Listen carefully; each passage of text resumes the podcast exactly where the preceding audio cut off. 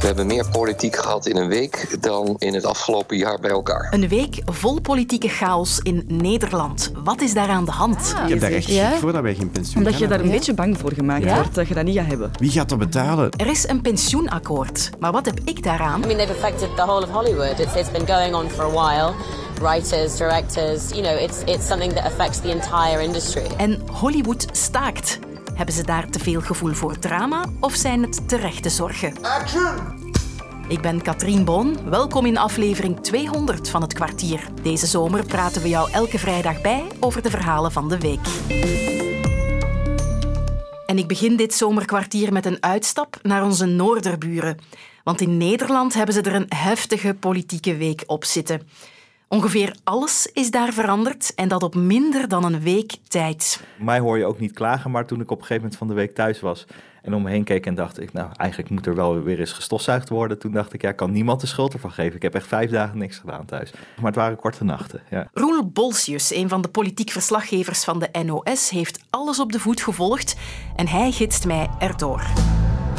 De politieke thriller begint op vrijdagavond 7 juli. De Nederlandse regering valt. Het is geen geheim dat de coalitiepartners heel verschillend denken over het migratiebeleid. En vandaag moeten we helaas de conclusie trekken dat die verschillen onoverbrugbaar zijn.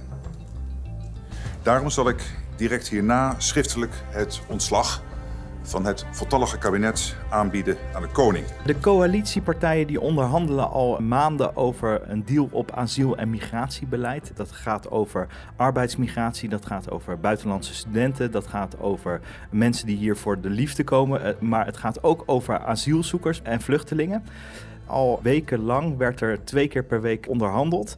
Maar op het laatste moment kunnen ze geen deal sluiten op het gebied van asiel. En dan gaat het over de nareizigers, dus familieleden van vluchtelingen, van oorlogsvluchtelingen die naar Nederland komen. En daar kwamen ze niet eh, uit. En op vrijdag deden ze nog één laatste poging. En toen werd duidelijk dat de coalitiepartijen er niet uitkwamen en dat de regering klapte. En dan denk ik, een land zonder regering met nieuwe verkiezingen op de agenda, dat is meer dan genoeg spanning voor politiek in vakantiemodus. Maar nee, premier Mark Rutte dropt maandag nog een extra bommetje. Tot slot, voorzitter, wil ik nog iets persoonlijks zeggen. Gisterochtend heb ik het besluit genomen dat ik niet opnieuw beschikbaar ben als lijsttrekker van de VVD.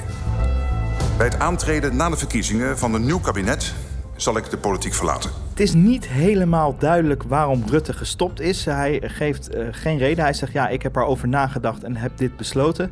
Maar goed, er moet natuurlijk meespelen. Hij is 13 jaar premier van Nederland geweest. 17 jaar is hij de onbetwiste partijleider van de VVD geweest. Dat eh, liep de laatste maanden toch wel wat deuken op. Dus er was wat gemor. Ook bij andere partijen was het moeilijk om samenwerking mee te vinden. Partijen waren hem al aan het uitsluiten om met hem samen te werken na de verkiezingen. Dus dat moet allemaal meegespeeld hebben in zijn beslissing om te denken, ja, het is maar misschien maar beter dat ik stop. Maar helemaal helder is hij er niet over wat nou precies de beweegreden is. Voilà, dan zijn we er. Of nee, toch niet, want dit was er ook nog. Goedenavond. Weer een politiek kopstuk dat weggaat uit Den Haag. Sigrid Kaag verlaat de politiek en stelt zich niet nogmaals beschikbaar als lijsttrekker voor D66. De reden die ze daarbij geeft, haar gezin trekt de bedreigingen niet meer. Nog een toppoliticus, de minister van Financiën en partijleider van regeringspartij D66, kapt ermee. De vele bedreigingen die ze kreeg en de tol op haar gezin zijn te zwaar geworden. En haar dochters die zeiden daar twee maanden geleden nog dit over. Ik wil eigenlijk dat mijn moeder een andere baan vindt. Ze kan niet meer bijvoorbeeld de honden uitlaten. Ehm, we gaan niet meer op straat lopen. Wil niet zeggen dat het gevaarlijk is om thuis te komen, maar ook als ik de deur, de deur open doe, dan kijk ik altijd achter mij. Dan denk ik, oh, misschien komt er iemand en die wil ook uh, ons like break in and find my mom or something. You only need one time Ja. for it to go wrong. En na die intense week wens ik de Nederlandse politici op zijn minst wat vakantie toe. De vraag is alleen, wat komt er daarna? Nou, wat er nu gaat veranderen is dat drie van de vier coalitiepartijen zoeken een nieuwe eh, partijleider. Alle andere oppositiepartijen moeten ook gaan eh, bekijken wie ze naar voren schuiven voor de komende verkiezingen. Maar omdat dus drie van de vier coalitiepartijen met een nieuwe partijleider de verkiezingen ingaan, wordt hoe dan ook, hoe daar ook gestemd gaat worden, het politieke landschap eh, anders. Dat zal ook uh, de politieke cultuur doen veranderen. Het is al jaren onder Rutte gaat het op een bepaalde manier. Dat gaat anders worden. Uh, maar hoe precies, ja, dat is nog compleet onbekend. Want uh, we weten niet wie de grootste gaat worden. We weten in ieder geval dat BBB, de boer-burgerbeweging, dat dat een grote uitdager gaat worden. Die is de grootste geworden bij de provinciale statenverkiezingen. Dus dat die flinke winst zullen gaan maken, dat lijkt wel zeker. Maar hoe de anderen gaan scoren, ja, dat moeten we gaan afwachten. Maar ook hier in België zijn de politici nog niet toe aan vakantie. Er is nog hard vergaderd de voorbije week. En dus moesten onze radiocollega's er maandagochtend meteen invliegen. Het was een goede timing wel. De troepen waren hier net verzameld eh, van de ochtend, rond een uur of vijf, denk ik. En het nieuws van de dag kwam binnen. Er is een akkoord over de pensioenhervorming. Tegen alle verwachtingen in hebben we dus plots een heus pensioenakkoord. Maar wat heb ik daaraan? Hallo, goedemiddag. Ik kon het vragen aan Ewald Pironet, specialist economie bij KNAK. En hij is al een stuk dichter bij zijn pensioen dan ik.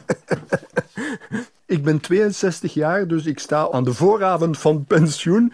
En dus mogelijk zou ik kunnen profiteren van die 22.000 euro extra dat is die pensioenbonus. Die pensioenbonus, dat sprong er toch wel uit. Komt erop neer, als je drie jaar langer blijft werken dan de eerste moment dat je echt op pensioen kan gaan, dan krijg je afgerond 22.000 euro netto. Als mensen blijven werken, dan dragen ze bij aan de sociale zekerheid en dus aan de pensioenen en dan krijgt de overheid meer geld. Maar dat betekent dus wel dat de regering aan die mensen 22.000 euro netto uitkeert. Dus ze keert eigenlijk meer geld uit en misschien geeft ze daarbij zelfs geld aan mensen die sowieso langer hadden willen werken. Die niet gestimuleerd moeten worden met die 22.000 euro. En dan zitten we terug met het probleem van de vergrijzingskosten en met het probleem van de financiële houdbaarheid.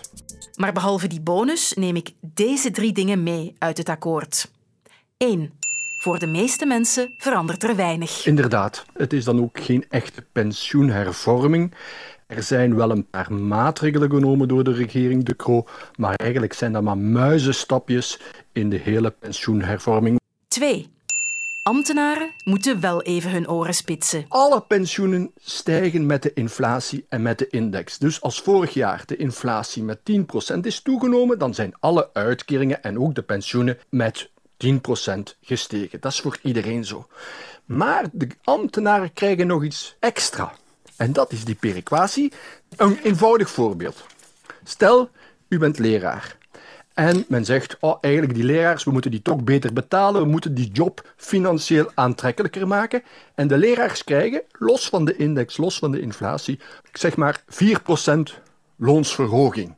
Wel, dan is het zo dat een gepensioneerde leerkracht ook 4% meer pensioen zal krijgen. Bovenop de indexering. Dat telt ook zo voor mensen van de politie, dat telt zo voor de militairen, dat telt voor alle ambtenaren. En dat is die perequatie. Nu, die perequatie wordt niet afgeschaft. Die wordt wel beperkt, die wordt wat afgetopt. Men zegt van kijk, we gaan dat niet meer zo hard laten meestijgen. Hoeveel is nog onduidelijk. Dus de perequatie komt een beetje onder druk, maar wordt niet afgeschaft. En drie, echt zeker over ons pensioen zijn we nooit. De vraag van zal jij en ik later nog pensioen krijgen, die blijft bestaan.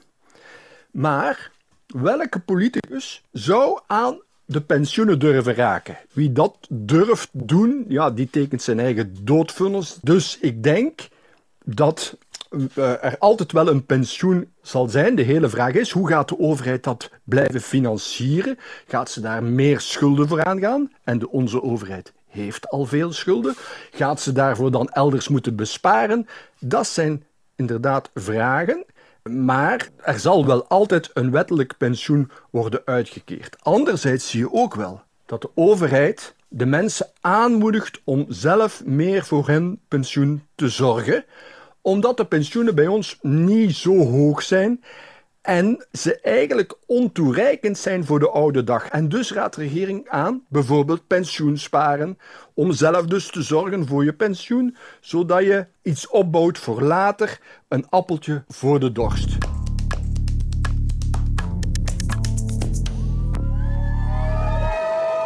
Ik waan mij nu even in Londen op een rode loper. Die Matt, die mensen hier toejuichen, is acteur Matt Damon bij de Britse première van de Hollywoodfilm Oppenheimer.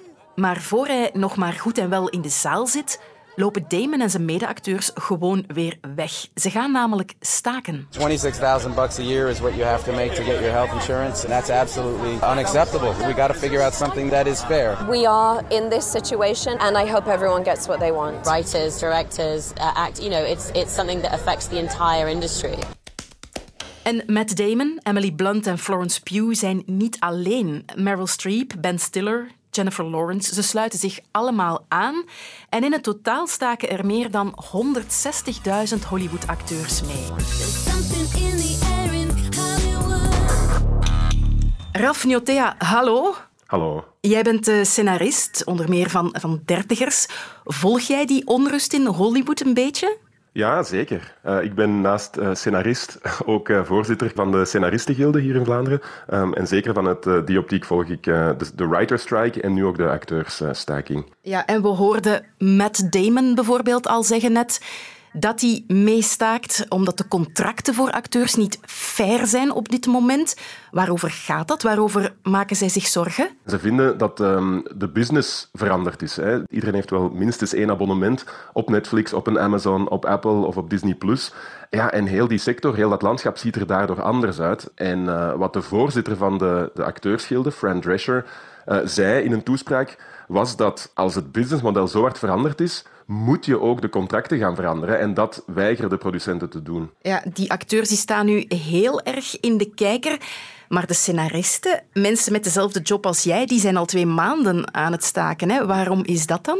Wel, dat, is eigenlijk, dat heeft eigenlijk dezelfde reden. Hè. Dus de scenaristen die wensen betere arbeidsvoorwaarden, een beter loon ook. Zeker omdat er nu gigantische winsten eh, worden geboekt door die streamers. Een voorbeeldje is uh, de gigantisch populaire um, Netflix-serie Squid Game, hè, die, Zuid-Koreaanse reeks. Uh, Netflix heeft daar naar schatting een, een waardestijging gekend dankzij die reeks van 700 miljoen, 800 miljoen dollar. Terwijl die schrijver, de bedenker en de maker van Squid Game, heeft eigenlijk van dat succes niet mee geprofiteerd. Dat stond zo in het contract met Netflix. Het zijn dat soort contracten die streamers vaak aanbieden. En de schrijvers willen ook dat dat aangepast wordt, omdat het gewoon geen faire manier is van samen iets te maken. Nu, die discussie over streamers en die rechten, dat is één deel van het probleem.